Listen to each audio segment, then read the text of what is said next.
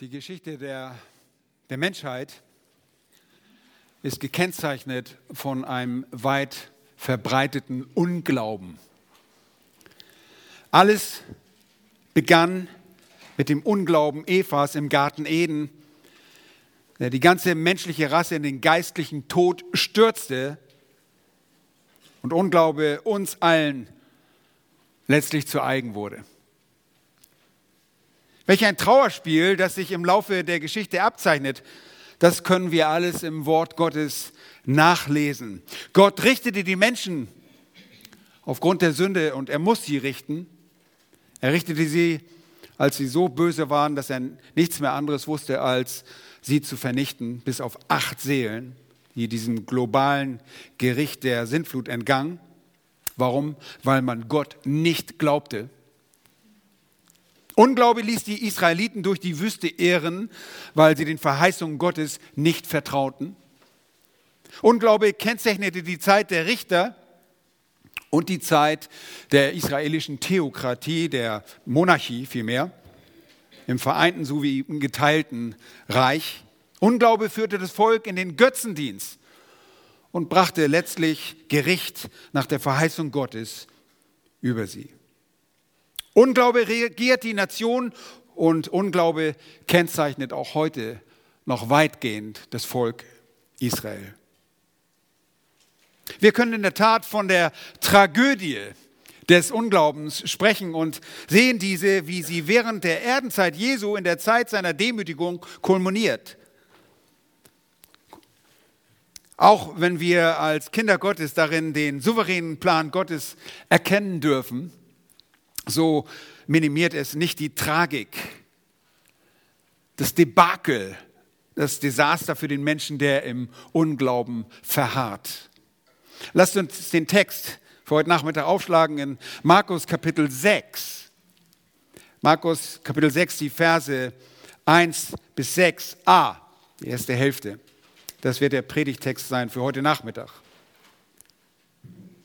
Markus 6, 1 bis 6a. Und da heißt es, und er zog von dort weg und kam in seine Vaterstadt. Und seine Jünger folgten ihm nach. Und als der Sabbat kam, fing er an, in der Synagoge zu lehren. Und viele, die zuhörten, erstaunten und sprachen, woher hat dieser solches? Und was ist das für eine Weisheit, die ihm gegeben ist? Dass sogar solche Wundertaten durch seine Hände geschehen. Ist dieser nicht der Zimmermann, der Sohn der Maria, der Bruder von Jakobus und Joses und Judas und Simon? Und sind nicht seine Schwestern hier bei uns? Und sie nahmen Anstoß an ihm. Jesus aber sprach zu ihnen, ein Prophet ist nirgends verachtet, außer in seiner Vaterstadt und bei seinen Verwandten und in seinem Haus. Und er konnte dort kein Wunder tun, außer dass er wenigen Kranken und die Hände auflegte und sie heilte. Und er verwunderte sich wegen ihres Unglaubens. Soweit der Text. Die Verse 1 und 6 fassen eigentlich sehr gut zusammen, was der Umstand war, als Jesus in seine Vaterstand reiste und was sich dort abspielte. Nun, er war bereits zuvor in Nazareth, auch wenn Markus uns nicht davon berichtet. Lukas, der Arzt und Geschichtsforscher, berichtet von Jesu ersten Besuch in Nazareth, nachdem dieser seinen öffentlichen Dienst begonnen hatte. Und das finden wir in Lukas Kapitel 4. Lukas 4, den Verse 16 bis 30. Auch diesen Verstext möchte ich euch vorlesen damit ihr eine Idee habt von dem, was dort schon geschehen ist. Ich lese diesen Text vor und ihr stellt euch dabei einmal die Frage, ob ihr selbst nach diesen Ereignissen in Nazareth jemals dort wieder aufkreuzen würdet. Okay? Lukas 4, 16 bis 30. Und er kam nach Nazareth, wo er erzogen worden war, und ging nach seiner Gewohnheit am Sabbattag in die Synagoge und stand auf, um vorzulesen. Und es wurde ihm die Buchrolle des Propheten Jesaja gegeben. Und als er die Buchrolle aufgerollt hatte, fand er die Stelle, wo geschrieben steht, der Geist des Herrn ist auf mir, weil er mich gesalbt hat, den Armen frohe Botschaft zu verkünden. Er hat mich gesandt zu heilen, die zerbrochenen Herzens, Gefangenen Befreiung zu verkünden und den Blinden, dass sie wieder sehend werden, Zerschlagene in Freiheit zu setzen, um zu verkünden, kündigen das angenehme Jahr des Herrn. Und er rollte die Buchrolle zusammen und gab sie den Diener wieder und setzte sich, und alle Augen in der Synagoge waren auf ihn gerichtet. Er aber fing an, ihnen zu sagen, heute ist diese Schrift erfüllt vor euren Ohren. Und alle gaben ihm Zeugnis und wunderten sich über die Worte der Gnade, die aus seinem Mund kamen, und sprachen, ist dieser nicht der Sohn Josefs? Und er sprach zu ihnen, Gewiss werdet ihr mir dieses Sprichwort sagen, Arzt, heile dich selbst. Die großen Taten, von denen wir gehört haben, dass sie in Kapernaum geschahen, tue sie auch hier in deiner Vaterstadt. Er sprach aber, wahrlich, ich sage euch, kein Prophet ist anerkannt in seinem Vaterland. In Wahrheit aber sage ich euch, es waren viele Witwen in den Tagen Elias in Israel, als der Himmel drei Jahre und sechs Monate lang verschlossen war da eine große Hungersnot entstand im ganzen Land und zu keiner von ihnen wurde Elia gesandt, sondern nur zu einer Witwe nach Zapat bei Zidon. Und viele Aussätzige waren in Israel zu der Zeit des Propheten Elisa, aber keiner von ihnen wurde gereinigt, sondern nur Naaman, der Syrer. Da wurden alle in der Synagoge voll Zorn, als sie dies hörten, und sie standen auf stießen ihn zur Stadt hinaus und führten ihn an den Rand des Berges, auf dem ihre Stadt gebaut war, um ihn hinabzustürzen. Er aber ging mitten durch sie hindurch und zog weiter. Nun, jetzt in unserem Text aus dem Markus-Evangelium sind circa sieben bis neun Monate vergangen. Und wir lesen, und er zog von dort weg, in Vers 1, und kam in seine Vaterstadt. Und seine Jünger folgten ihm nach. Nun, das sind keine Privatbesuche, die Jesus hier vornimmt, sondern er übt seinen Dienst aus und seine Jünger im Anhang, in seinem Gefolge lernen weiterhin, so wie wir es aus diesen Begebenheiten auch heute, wie wir davon lernen sollen. Die Zeit seines monatelangen Wirkens in Kapernaum hatte jetzt ein Ende gefunden. Hier ist ein Wendepunkt. Er wird dort im Laufe seines irdischen Dienstes zwar noch einige Male auftauchen, aber sein beständiger, stetiger Dienst dort und Wirken hatte zu diesem Zeitpunkt, wahrscheinlich so im Frühjahr 29, in Kapernaum ein Ende gefunden. Sein ernüchterndes und furchterregendes Urteil über diese Stadt und andere Städte Galiläas ist eingebunden in eine Gerichtsbotschaft, die uns Matthäus in Kapitel 11 in den Versen 20 bis 24 festgehalten hat. Dort heißt es, Matthäus 11, 20 bis 24, da fing er an, die Städte zu schelten, in denen die meisten seiner Wundertaten geschehen waren, weil sie nicht Buße getan hatten. Wehe dir Korazin, wehe dir Bethsaida, denn wenn in Tyros und Sidon die Wundertaten geschehen wären, die bei euch geschehen sind, so hätten sie längst in Sack und Asche Buße getan. Doch ich sage euch, es wird Tyros und Sidon erträglicher gehen am Tag des Gerichts als euch. Vers 23. Und du, Kapernaum, die du bis zum Himmel erhöht worden bist, die du bis zum Himmel erhöht worden bist, du wirst bis zum Totenreich hinabgeworfen werden. Denn wenn in Sodom die Wundertaten geschehen wären, die bei dir geschehen sind, es würden noch heutzutage stehen. Doch ich sage euch, es wird dem Land Sodom erträglicher gehen am Tag des Gerichts als dir. Sehr traurig, aber dennoch wahr, Jesaja gibt in Kapitel 65, Vers 2 Jahwes Wort an Israel wieder, sagt er, den ganzen Tag habe ich meine Hände ausgestreckt nach einem widerspenstigen Volk, das seinen eigenen Gedanken nachgeht auf einem Weg, der nicht gut ist. Und Paulus greift diesen Gedanken auch in Römer 10, Vers 21 auf und sagt dort, den ganzen Tag habe ich meine Hände ausgestreckt nach einem ungehorsamen und widerspenstigen Volk. Nun, diese Ungehorsam und diese Widerspenstigkeit finden wir in ihrer Unbußfertigkeit. Und so erwarten wir es jetzt genauso beim zweiten Besuch Jesu in Nazareth. Wir sehen bei den Nazarenern einfach nur die Tragödie des Unglaubens. Und so betitel ich auch die Predigt, die Tragödie des Unglaubens, die sich hier auf vier verschiedene Wege auch heute bei Menschen noch genau so ausdrückt. Nichts anderes. Erstens, der Unglaube verdunkelt das Offensichtliche. Das Offensichtliche in Vers 2. Der Unglaube verdunkelt das Offensichtliche. Da heißt es, und als der Sabbat kam, fing er an, in der Synagoge zu lehren, und viele, die zuhörten, erstaunten und sprachen, Woher hat dieser solches? Und was ist das für eine Weisheit, die ihm gegeben ist, dass sogar solche Wundertaten durch seine Hände geschehen? Und schon zu Beginn seines Evangeliums hat Johannes Markus über die Reaktion der Zuhörer Jesu in der Synagoge von Kapernaum berichtet. Wir nahmen dort in Markus 1 die Verse 21 und 22 zur Kenntnis. Da heißt es, sie begaben sich nach Kapernaum, er ging am Sabbat sogleich in die Synagoge und lehrte und sie erstaunten. Hier ist dasselbe griechische Wort wie in unserem Text in Markus 6.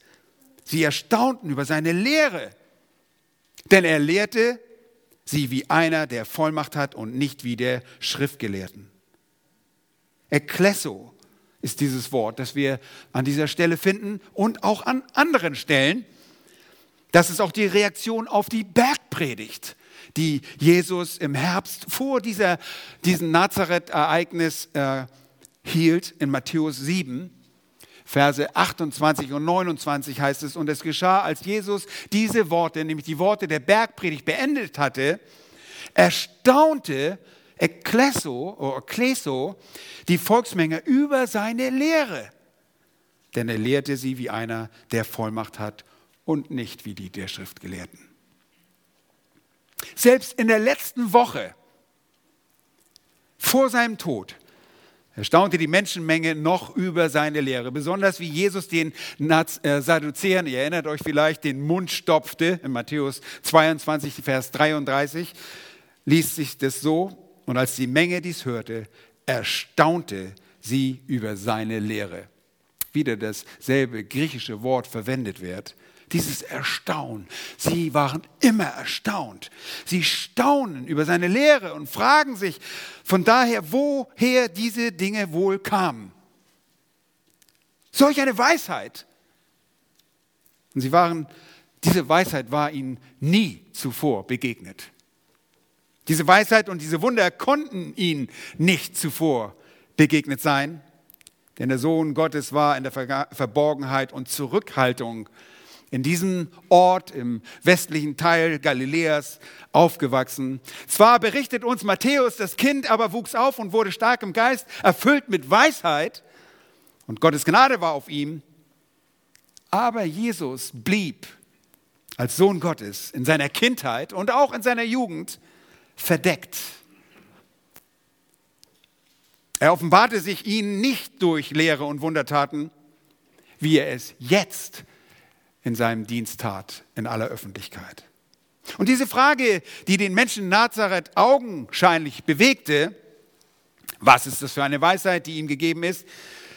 Nun, sie hätte schnell zur wahren Erkenntnis über ihren Erretter führen können. Schließlich nahmen sie auch seine Wundertaten zur Kenntnis, von denen er aber nur wenige unter ihnen in Nazareth tat, weil sie im Unglauben verhaftet waren.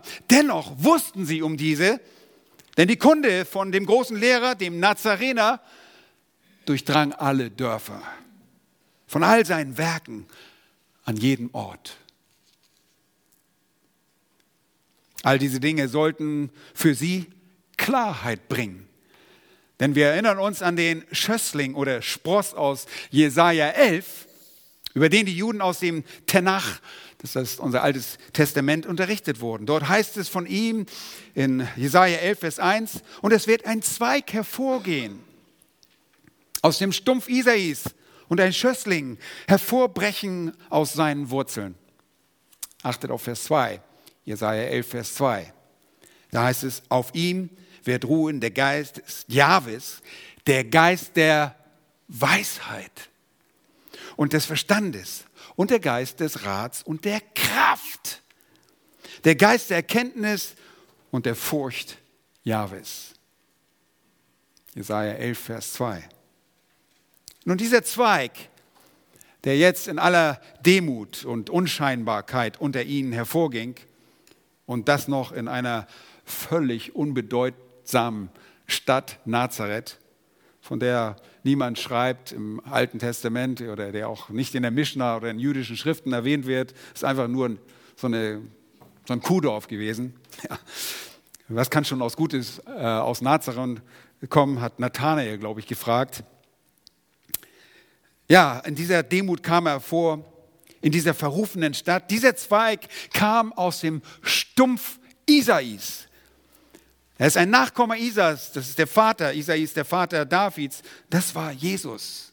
Und er ging aus dessen Wurzel hervor und demonstriert mit seinen Worten diese göttliche Weisheit. Warum? Weil der Geist der Weisheit auf ihm lag. Und er hat den Geist der Kraft und konnte deshalb in der Kraft des Geistes auch die Dinge tun, die er tat. Es ist offensichtlich, wer er ist. Hier war es der Sohn Gottes. Denn niemand konnte eine solche Weisheit nur, nur annähernd unter Beweis stellen. Hier ist die Weisheit in Person. Eine Weisheit, die nur er allein besaß und er allein ist. Er ist Weisheit. Niemand besaß diese Kraft, die Kraft, die er besitzt und die Kraft, die er ist. Und seine Wundertaten hätten das jedem Israeli, jedem Juden klar machen sollen, wer er ist. Es ist das Offensichtliche. Aber statt ihrem Messias, dem Gesalbten Jahwes, dem Sprössling, die Anbetung zu bringen, die ihm gebührt, stellen diese Juden, und das war klar und deutlich vor ihnen zu sehen, wortwörtlich diese Frage, das, was klar und deutlich war vor ihnen, das stellen sie einfach in Frage wortwörtlich. Nun, die Härte ihrer Herzen wird deutlich und ihr Unglaube wird kund. Der Unglaube verdunkelt das Offensichtliche. Jesus lehrte nicht die unkundigen Heiden, Nein, er lehrte in der Synagoge, da, wo der Tanach, die inspirierten jüdischen Schriften, unser Altes Testament, ihr Zuhause hatten. Dort in Nazareth wurden die Juden in diesen Schriften belehrt. Es war offensichtlich, wer dort vor ihnen stand. Und der Unglaube der Nazarener ist einfach nur tragisch. Und sie begeben sich damit auf die Stufe des Unglaubens, ähm, das auch das Volk Gottes zur Zeit Mose demonstrierte. Der Unglaube der Nazarener gleicht dem des Volkes während der Wüstenwanderung. Der Unglaube derer, die dann in der Wüste veränderten, und ihr erinnert euch daran, weil sie nicht glaubten, was ihnen bereits verheißen worden war. Der Schreiber des Hebräerbriefes sagt im dritten Kapitel seines Briefes, dort ab Vers 15, heute, wenn ihr seine Stimme hört, so verstockt eure Herzen nicht wie in der Auflehnung. Denn einige lehnten sich auf, als sie es hörten, aber nicht alle, die durch Mose aus Ägypten ausgezogen waren über wen war er aber 40 Jahre lang zornig? Waren es nicht die, welche gesündigt hatten, deren Leiber in der Wüste fielen? Antwort, ja. Vers 18. Welchen schwor er aber, dass sie nicht in seine Ruhe eingehen sollten, wenn nicht den, die sich weigerten zu glauben? Sein Fazit, Vers 19. Und wir sehen, dass sie nicht eingehen konnten wegen des Unglaubens.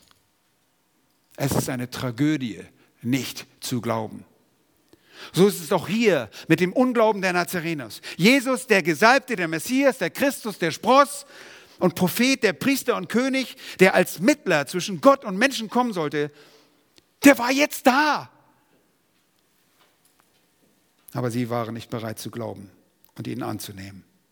Dieser Unglaube gehört noch immer zu dem ganzen jüdischen Volk. Denn es gab und gibt es heute nur wenige Ausnahmen, die sich vor Jesus als Messias im Glauben beugen. Oh, wie tragisch ist dieser Unglaube.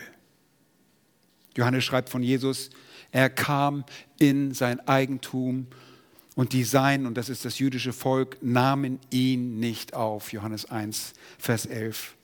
Statt ihn im Glauben aufzunehmen, verdunkeln sie das Offensichtliche, nämlich, dass der Retter des Volkes für sie gekommen war. Ihr Lieben, genau dieser Unglaube steht auch hinter den Fragestellungen der Nazarener.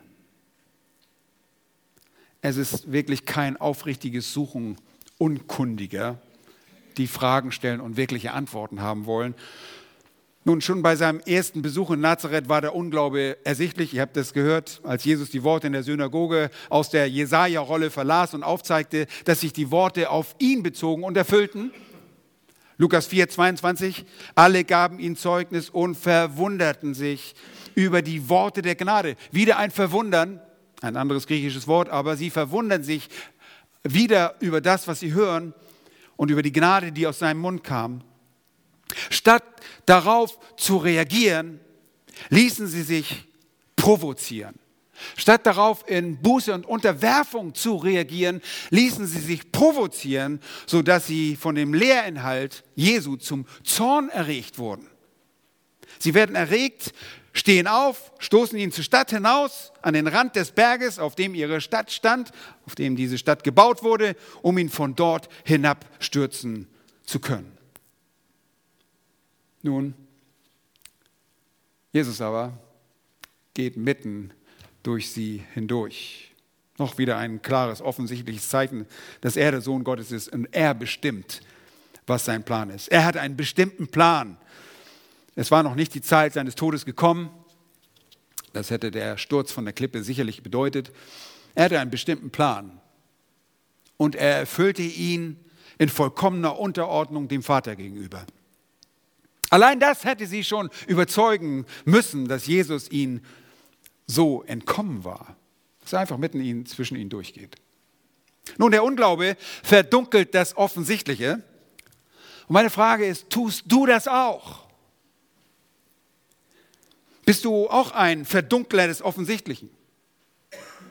Bist du im Unglauben gefangen und arbeitest du mit dieser Methodik der Verdunklung, wenn dich die Worte des lebendigen Gottes überführen? Das ist meine Frage, die ich dir stelle. Du kennst mittlerweile das Wort, weißt um Gottes Anspruch und dennoch bist du nicht bereit, dich diesen Worten der Wahrheit zu fügen. Und ich frage dich, welche Ausreden oder Verdunklungsmethoden wendest du an? Sind es bei dir die Rollos der Bequemlichkeit, die Verdunklungsvorhänge der Menschenfurcht, die dich abhalten, das Licht anzunehmen? Nun, Menschen, die Jesus anlehnen, ablehnen, ähneln sich in all diesen Versuchen des Unglaubens. Sie alle bringen fadenscheinige Argumente vor fadenscheinige Dinge vor, verdunkeln das Offensichtliche, das von Gott ihn so deutlich gemacht hat. Paulus schreibt von diesen Menschen und sagt, denn obgleich sie Gott erkannten, ihr kennt diese Stelle aus dem Römerbrief, haben sie ihn doch nicht als Gott geehrt und ihm nicht gedankt, sondern sind in ihren nicht Gedanken in nichtigen Wahn verfallen und ihr unverständiges Herz wurde verfinstert. Und das ist so tragisch. Unglaube ist eine Tragödie.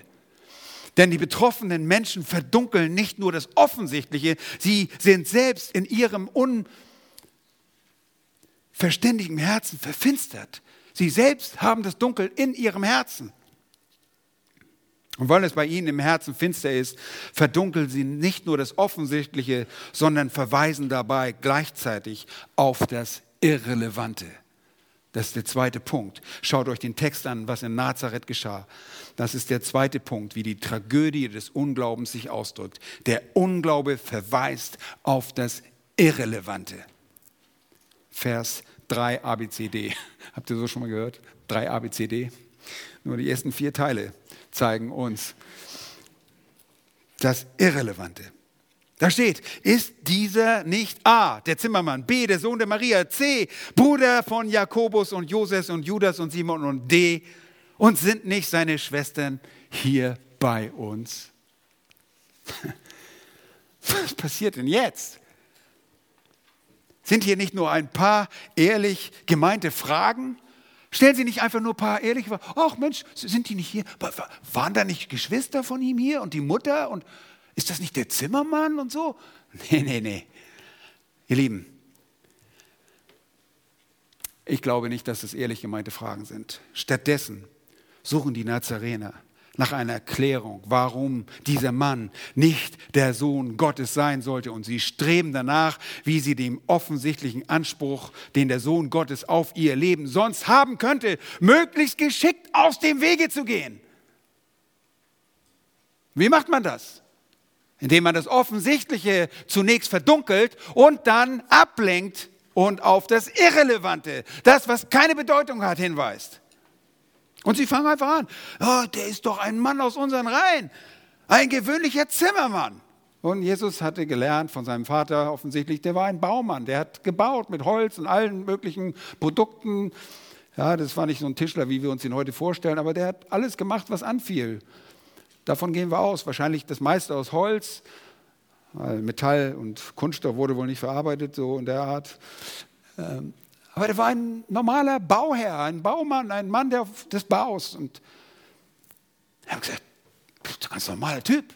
Ist doch nicht der Sohn Gottes. So, doch ein Zimmermann, oder? Sind, sind wir uns so einig? So haben wir ihn noch kennengelernt. Aber das kann nicht sein. B, dass dieser Mann der Sohn Gottes ist. Wir haben doch seine Mutter unter uns. Das nimmt bitte zur Kenntnis. Sie lebt doch da drüben an der Ecke. Da neben, neben Grabowskis oder wie die heißen, keine Ahnung, das ist kein richtiger jüdischer Name. Mist. Na gut, ist mir jetzt spontan nicht eingefallen. Aber sie führen Maria an, ja? Warum wird hier wohl Maria angeführt? Nun, erstens kann es sein, dass Josef bereits gestorben war, denn gewöhnlich identifizierte man einen Menschen nach der Herkunft und Abstammung seines Vaters. Okay? Aber vielleicht wird Maria auch hier erwähnt, weil man ihr mit Jesus ein uneheliches Kind untergeschoben hatte. Nun, könnt ihr euch vorstellen, Jesus äh, und äh, Maria und Josef kommen zurück, nachdem sie in Ägypten waren. Eigentlich wollten sie nach Bethlehem zurück, aber sie sind dann direkt nach Nazareth gegangen und ja, haben sich erzählt, haben die Geschichte erzählt, ja, Maria wurde schwanger und so und äh, ja, wir waren eigentlich noch gar nicht verheiratet. Ja, ja, alles klar, erzählt noch einen. Ja, erzählt uns einen vom Pferd. Man hatte ihr, und das kommt in einigen Schriftstellen auch zum Ausdruck, einfach diese Unzucht zugeschrieben. Und das würde sich auch gut machen, denn ein uneheliches Kind kann doch wohl unmöglich der Sohn Gottes sein, oder? Niemals. Das war sicherlich eine gute Methode, den Ansprüchen dieses Rabbis zu entkommen. Und drittens heben die Nazarener auch die Brüder Jesu hervor, die sie offensichtlich alle kannten. Sogar sehr gut. Sie nennen sie namentlich. Jakobus, Joses, Judas und Simon.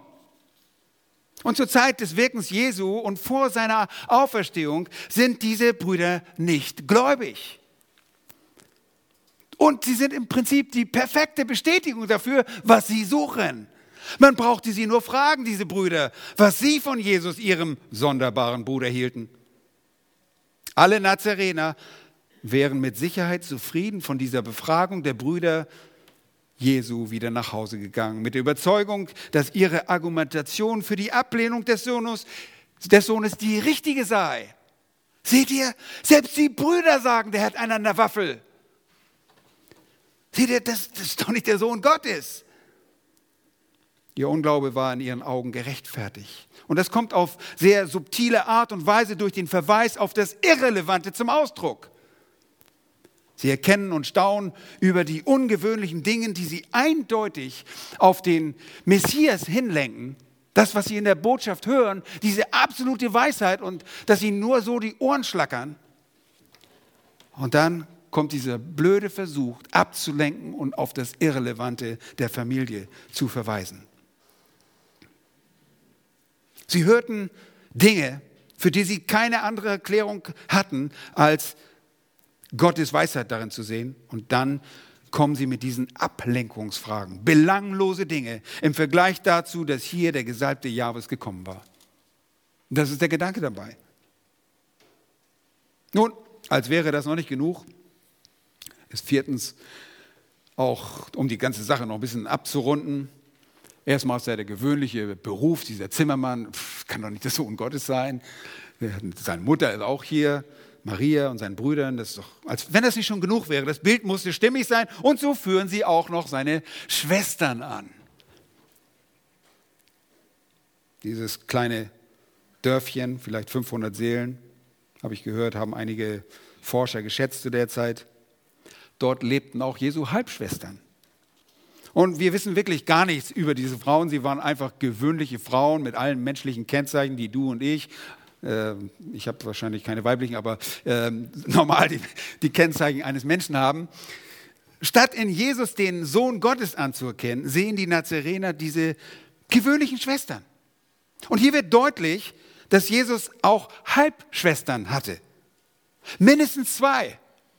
Matthäus sagt allerdings in Kapitel 13, 56, sind nicht seine Schwestern alle bei uns? Das hört sich ein bisschen mehr an als, als zwei, oder? Würdest du sagen, alle meine Schwestern sind hier mit zweien? Na gut, kann sein, aber mindestens zwei. Aber wie viele Halbschwestern Jesus auch gehabt haben mag, das Anführung all dieser Dinge ist im Zusammenhang mit der erwiesenen Weisheit, die sie durch das Lehren in der Synagoge in Nazareth wahrgenommen haben, völlig belanglos, wenn sie erkannt haben, das ist wirklich jemand, den wir noch nie so erlebt haben. Die von ihnen erkennbare Machtdemonstration in Heilungen und anderen Wundern, von denen sie ganz bestimmt gehört haben, denn ganz Galiläa und Judäa und was nicht alles lief zusammen, die hätten sie überzeugen sollen. Und jetzt kommen sie mit diesen irrelevanten Fragen. Ihr Lieben, was haben diese Dinge mit der Weisheit, mit Weisheit seiner Worte und der Macht seines Handelns zu tun, die Jesus ihnen bewies? Nichts, gar nichts. Rein gar nichts. Ihr Fragestellen ist ein Ablenkungsversuch des Unglaubens, der auf das Irrelevante verweist. Sie wollen nicht und sie können nicht glauben. Ihre Herzen sind hart, ihre Augen verklebt und die Ohren verstopft, um die Hand Gottes in den Wundern zu sehen und um in den Worten das Reden Gottes und die Person Gottes zu erkennen. Einfach nur blind. Leute, auch heute Lassen wir uns nicht täuschen, werden solche Ablenkungsversuche der Ungläubigen verwendet, um den Sohn Gottes aus dem Weg zu gehen. Ihr habt das sicherlich viele, viele Male erlebt. Wenn das Wort Gottes von uns oder von anderen Verkündigern oder anderen Kindern Gottes in aller Klarheit korrekt verkündigt worden ist oder in einem Gespräch weitergegeben worden ist. Und wir denken, dass doch eigentlich jeder Mensch nicht mehr anders kann, als sich dem Sohn Gottes zu beugen, dann wird von Seiten der ungläubigen Zuhörer auf die böse Kirche hingewiesen. Dann verweist man auf die bösen Taten religiöser Menschen. Dann sind die vermeintlichen Erkenntnisse der Wissenschaft auf einmal relevant, die die Existenz Gottes ausklammern. Wenn man auf einmal eine Theorie so behandelt und vermittelt, als sei sie in der Wissenschaft bereits ein Fakt. Ihr Lieben, das sind alles Ablenkungsmanöver. Und ich frage euch, was hat das mit unserem Gott zu tun? Das ändert nichts an, der, an den Wahrheiten der Heiligen Schrift und an dem, was die Bibel richtigerweise über unseren Gott sagt. Wahrheiten werden weder durch Verdunklung unbedeutend, noch durch einen Ablenkungsversuch mit Verweis auf das Irrelevante nichtig gemacht. Ihr Lieben, verantwortlich für diese Dinge ist der Mensch der in seinem Unglauben verharrt. Ja, aber die Sekten sagen ja auch, sie haben die Wahrheit. Habt ihr das auch schon mal gehört? Das hören wir die Kritiker dann immer wieder sagen, das ist der nächste Einwand. Und ich sage immer, ja und? Was ändert es an unserem Gott, der sich auf den Seiten der Schrift offenbart und der sich durch viele Jahrhunderte, gar Jahrtausende zu erkennen gegeben hat? Wenn ehrende Menschen angeführt werden. Ich meine, dadurch, dass jemand auf der Autobahn Amok fährt und gegen den Strom fährt, stellst du dein Auto doch auch nicht in die Ecke und sagst, das Ding taugt nichts mehr. Der Glaube verweist immer auf das Irrelevante. Denn jede Sache wird im Vergleich zu der absoluten Wahrheit verkörpert in Christus einfach nur unbedeutend. Was hat das eine mit dem anderen zu tun? Was hat die Familie Jesu Nazareth, den ungläubigen Brüdern und Schwestern mit Jesu glaubhaften Erweisungen als Sohn Gottes zu tun? Nichts, gar nichts. Macht das den Sohn Gottes töricht? Macht das Jesus schwach? Hebt es seine Worte und Werke etwa auf, weil irgendjemand das nicht haben will? Nein, das sind Ausreden. Sind das die Massen von Menschen, die du vielleicht anführst? Menschen, die ja alle nicht glauben und ja wohl nicht alle auch falsch liegen können? Sind das deine Ausreden? Beuge dich vor der Wahrheit, sonst wird die Wahrheit dich beugen. Nun ein drittes, was zur Tragödie des Unglaubens beiträgt, wollen wir uns ansehen und das ist eigentlich darauf, wo es alles abzielt, ist, es ist nicht nur die Verdunklung des Offensichtlichen und der Verweis auf das Irrelevante macht diese Tragödie aus, sondern drittens, der Unglaube verachtet den Mittler. Der Unglaube verachtet den Mittler in Vers 3 e bis 4 und sie nahmen Anstoß an ihm. Vers 4, Jesus aber sprach zu ihnen, ein Prophet ist nirgends verachtet, außer in seiner Vaterstadt und bei seinen Verwandten und in seinem Haus. Und der Unglaube verachtet den Mittler.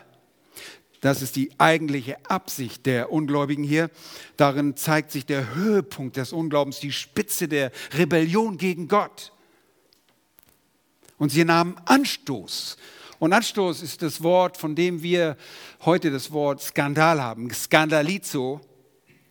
Die Fragestellung der Nazarener in den Versen 2 und 3 führten sie dazu zu glauben, er sei einfach nur ein ungebildeter, gewöhnlicher Mensch.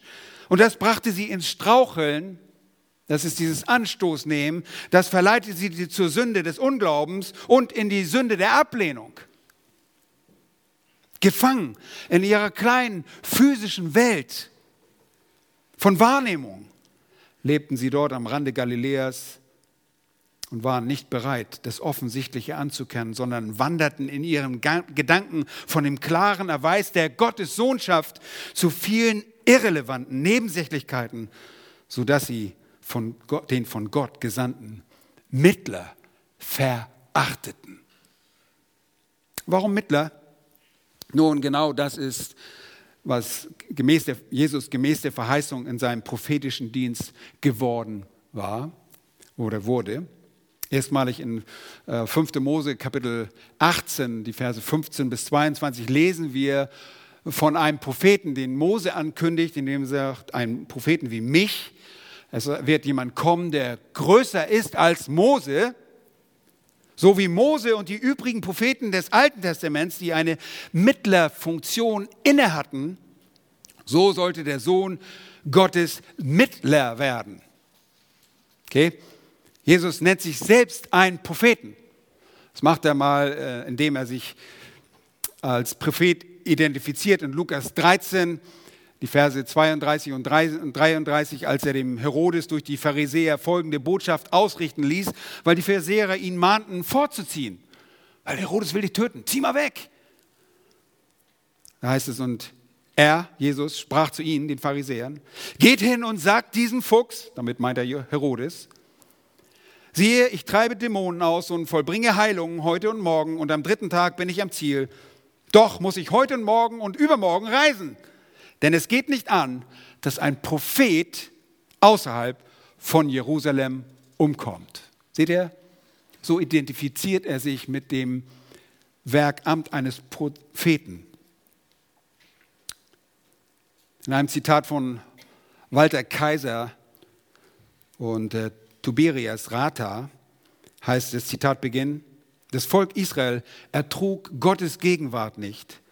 Und was er zu ihnen sprach, vermochten sie weder zu bewahren noch weiterzureichen, geschweige denn zu befolgen. 5. Mose 5, 23 bis 27 beschreibt diesen Zustand angesichts der göttlichen Gegenwart und des göttlichen Wortes. Zitat Ende. Sie konnten nicht die Worte Gottes direkt ertragen. Ich lese euch die Passage aus 5. Buch Mose vor, damit ihr versteht, was ein Mittler ist. 5. Buch Mose, Kapitel 5, ab Vers 23 heißt es, und das geschah, als ihr die Stimme mitten aus, dem, aus der Finsternis hörtet und der Berg im Feuer brannte, das ist am Horeb, dort am Berg Sinai, da tratet ihr zu mir alle Oberhäupter eure Stämme und eure Ältesten, und ihr spracht, siehe, Jahwe, unser Gott, hat uns seine Herrlichkeit und seine Größe sehen lassen, und wir haben seine Stimme mitten aus dem Feuer gehört. Heute haben wir gesehen, dass Gott mit den Menschen redet und sie am Leben bleiben. Und nun, warum sollen wir sterben? Sie hatten Angst. Denn dieses großes Feuer wird uns verzehren. Wenn wir die Stimme Jahwes unseres Gottes noch weiter hören, so müssen wir sterben. Die haben richtig Muffensausen. Vers 26. Denn wer von allem Fleisch könnte die Stimme des lebendigen Gottes mitten aus dem Feuer reden hören, wie wir, und am Leben bleiben? Das kann keiner, denken sie. Und dann sagen sie zu Mose, Vers 27, tritt du hinzu und höre alles, was Jahwe, unser Gott, reden wird. Und du sollst uns alles sagen, was der Herr, unser Gott, zu dir reden wird. Und wir wollen darauf hören und es tun. Seht ihr?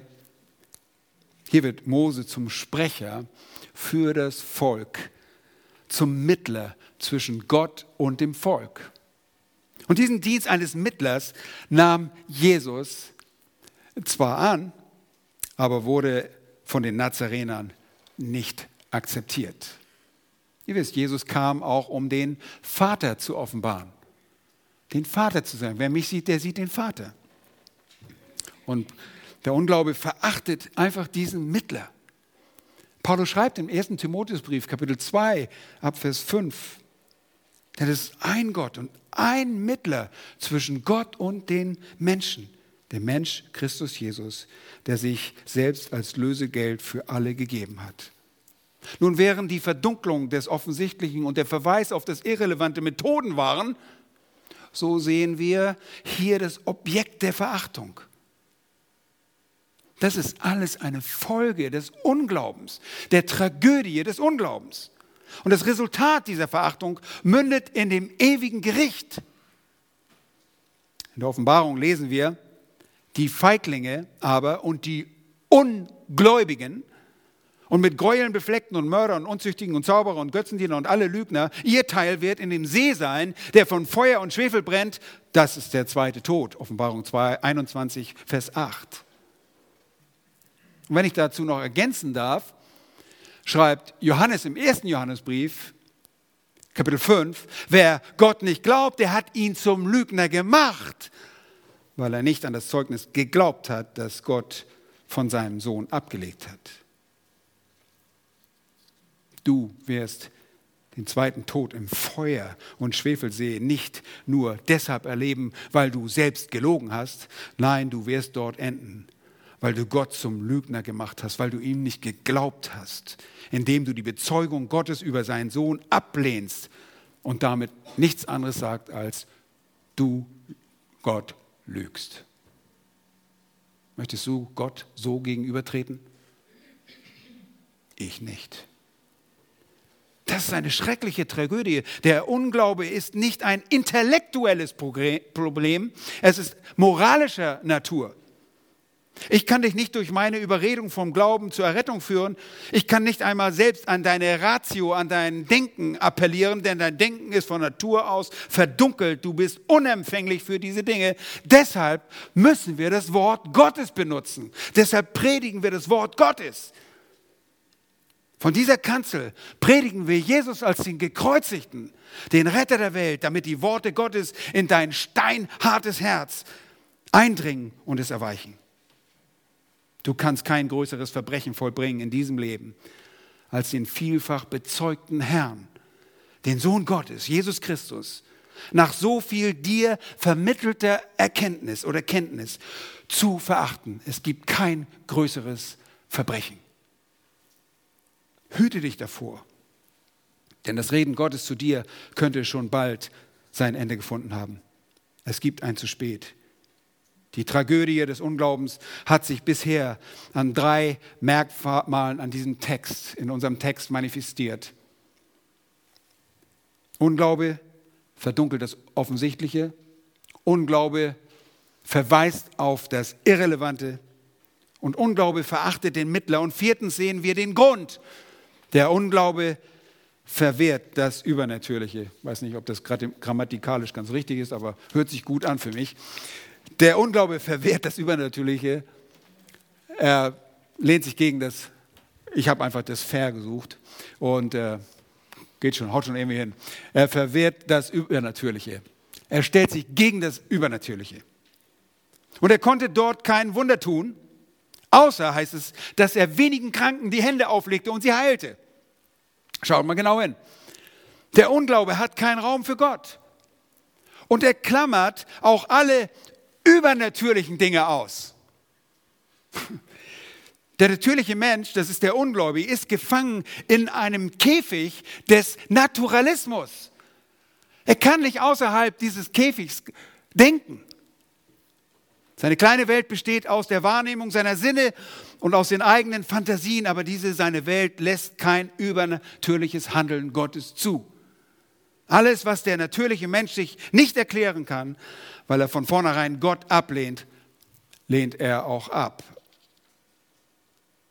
In seiner Bergpredigt sagte Jesus, gebt das Heilige nicht den Hunden und werft eure Perlen nicht vor die Säue, damit diese nicht mit ihren Füßen zertreten und jene sich nicht umwenden und euch zerreißen. Matthäus 7, Vers 6. Aus diesem Grund, und das ist genau der Grund, tat Jesus auch keine Wunder für die Ungläubigen. Wenn die im Herzen verstockten Ungläubigen seine Wunder erlebten, dann war die Reaktion alles andere als Umkehr zu Gott. In Matthäus 21, 14 und 15 erhalten wir davon einen kleinen Einblick. Da heißt es, und es kamen Blinde und Lahme im Tempel zu ihm und er heilte sie. Als aber die obersten Priester und die Schriftgelehrten die Wunder sahen, die er tat, und die Kinder, die im Tempel riefen und sprachen Hosianna, dem Sohn Davids, da wurden sie entrüstet ja, unsere Theorie oder Theorie mancher Charismatiker müssten sie doch alle zum Glauben kommen, wenn sie diese Wunder sehen. Jesus, der aus Mitgefühl und Barmherzigkeit die Blinden und Lahmen in Erfüllung alttestamentlicher Verheißung heilt, tut diese Wunder nicht, um Glauben in Menschen durch Wunder zu erwirken, sondern die Schrift und Verheißung im Zug auf seine Person zu erfüllen.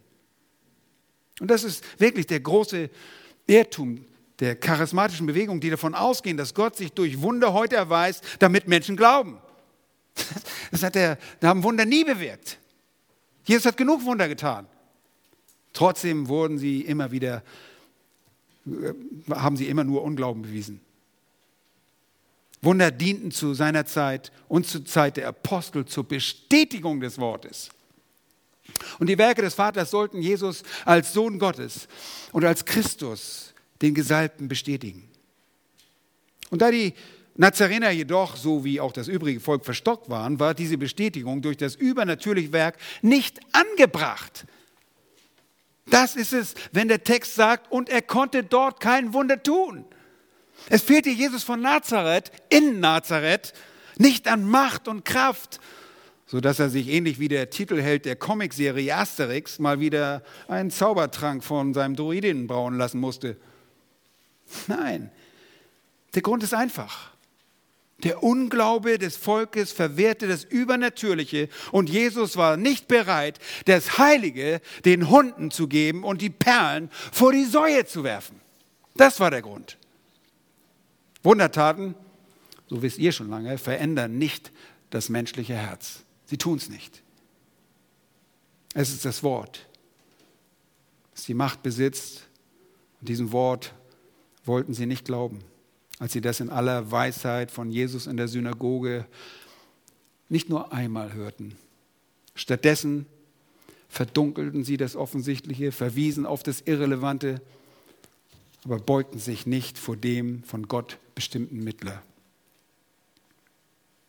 Der Jünger und Apostel Johannes berichtet in Jesu Stellungnahme zu der Wirkung von Zeichen und Wundern. Er schreibt in Johannes 4, 48 über die Worte Jesu zu dem königlichen Beamten, dessen Sohn krank in Kapernaum der Niederlag, stellvertretend für andere, steht dort, wenn ihr nicht Zeichen und Wunder seht, so glaubt ihr nicht. Damit deutet Jesus an, dass solch Glaube kein rettender Glaube war, wenn er nur auf Wundern und Zeichen basierte. Er war ein oberflächlicher Glauben, der in der Sensation seine Basis fand, ganz ähnlich wie nach dem Auftreten Jesu beim ersten Passafest in Johannes Kapitel 2. Ihr erinnert euch daran, ähm, da heißt es, als er aber im Passafest in Jerusalem war, in Johannes 2, Vers 23 und 24, glaubten viele an seinen Namen, weil sie seine Zeichen sahen, die er tat.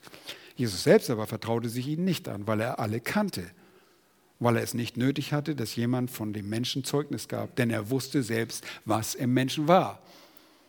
Und er wusste genau, dieser Glaube war kein echter Glaube. Über diese Art von Glauben haben wir Jesus lehren hören, als er über die Ackerböden sprach. Und zwar von dem, dem Boden, der einen felsigen Untergrund hatte. Wie der Same dort aufgrund der Beschaffenheit des Untergrundes bzw. der Herzen keine Frucht tragen sollte. Zwar gab es eine anfängliche Begeisterung, einen scheinbar lebendigen Glauben zu Beginn. Solche Glaubensumstände ergaben sich aus Wundern. Und das wusste Jesus. Und deshalb war Jesus nie daran interessiert, dass man in Galiläa und Israel Aufsehen erregte über die ganzen Wunder, sondern er sagte immer, schweige darüber, schweige darüber, sag's nicht weiter. Nun, zu Wundern in Nazareth kam es kaum. Trotzdem heilte er ein paar wenige, denn die Barmherzigkeit und das Mitgefühl Jesu ließen sich nicht auflösen. Welch eine Gnade, dass er sich in diesen wenigen Handlungen selbst unter diesen Menschen noch als Sohn Gottes erwies, der die Kranken durch Handauflegung gesund machte. Nun hast du dich dem Sohn Gottes gebeugt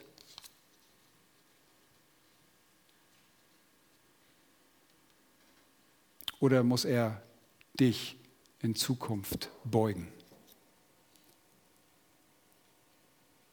Muss er dich ewig verdammen? Verharrst du im Unglauben, dann schau dir diese Geschichte von Jesu Auftreten in Nazareth sehr, sehr gut an. Du kennst die Tragödie des Unglaubens sehr deutlich darin. Du wirst wie die Menschen dort verurteilt sein. Vielleicht bist du in der Gemeinde aufgewachsen, du hörst die Geschichten von Jesus von Kindesbeinen an, aber hast dich noch nicht gebeugt. Diese Umstände ähneln denen der Menschen aus Nazareth. Sie sahen, wie Jesus aufwuchs und hörten das Wort Gottes aus seinem Mund, wann immer sie mit ihm zusammen waren.